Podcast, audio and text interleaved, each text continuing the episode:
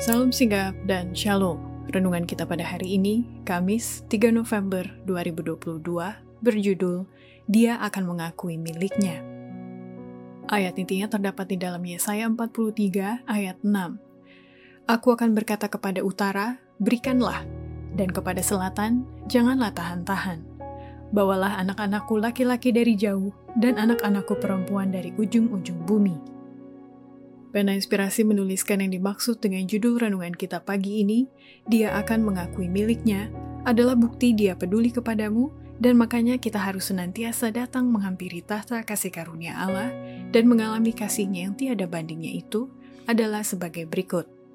Pertama, Tanda-tanda kegenapan nubuatan Yesaya, dia akan mengakui miliknya, akan terjadi setelah Yesus dinobatkan menjadi Raja kemuliaan di surga, dan kemudian barulah dia datang menjemput para pengikutnya yang setia untuk mengaruniakan mahkota kemuliaan yang kekal kepada mereka.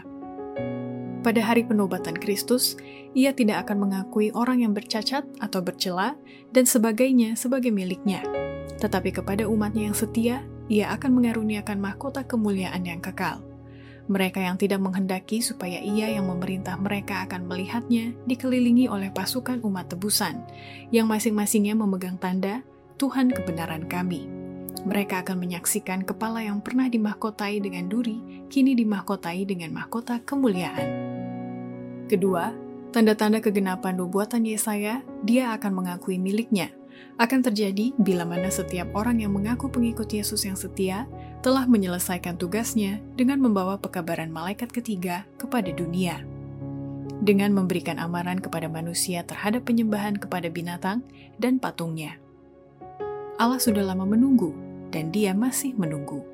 Makhluk manusia yang menjadi miliknya, baik oleh penciptaan maupun penebusan, supaya mendengar akan suaranya dan mengikuti dia sebagai anak-anak yang mengasihi dan taat, yang rindu berada di sisinya dan menginginkan terang wajahnya bersinar kepada mereka.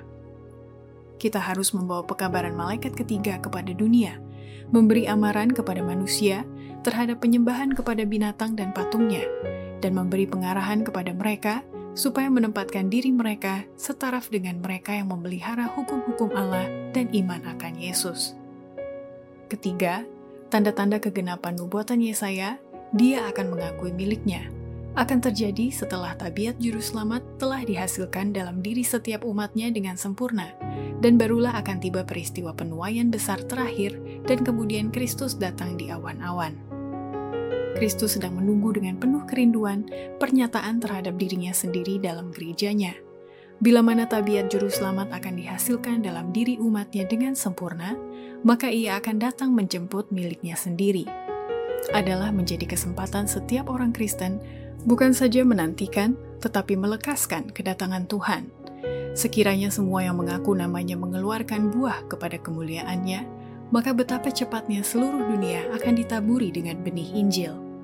Dengan segera penuaian besar terakhir akan disabit, dan Kristus akan datang Keempat, tanda-tanda kegenapan nubuatan Yesaya, dia akan mengakui miliknya, akan terjadi bila mana setiap orang yang percaya kepadanya sadar bahwa pikiran, jiwa, tubuh, dan roh atas semua yang dimiliki disiapkan untuk dipersembahkan kepada Kristus setiap saat mulai pada hari ini.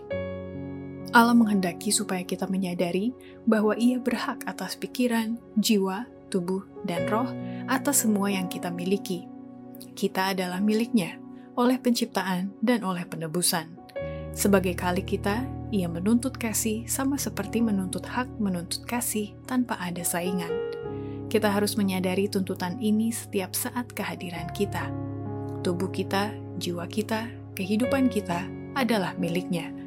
Bukan saja oleh sebab ini semua adalah pemberian yang cuma-cuma, tetapi oleh sebab ia tetap memberikan pada kita hak-haknya dan memberikan kekuatan pada kita untuk menggunakan panca indera kita. Demikianlah renungan kita pada hari ini. Kiranya Tuhan memberkati kita semua.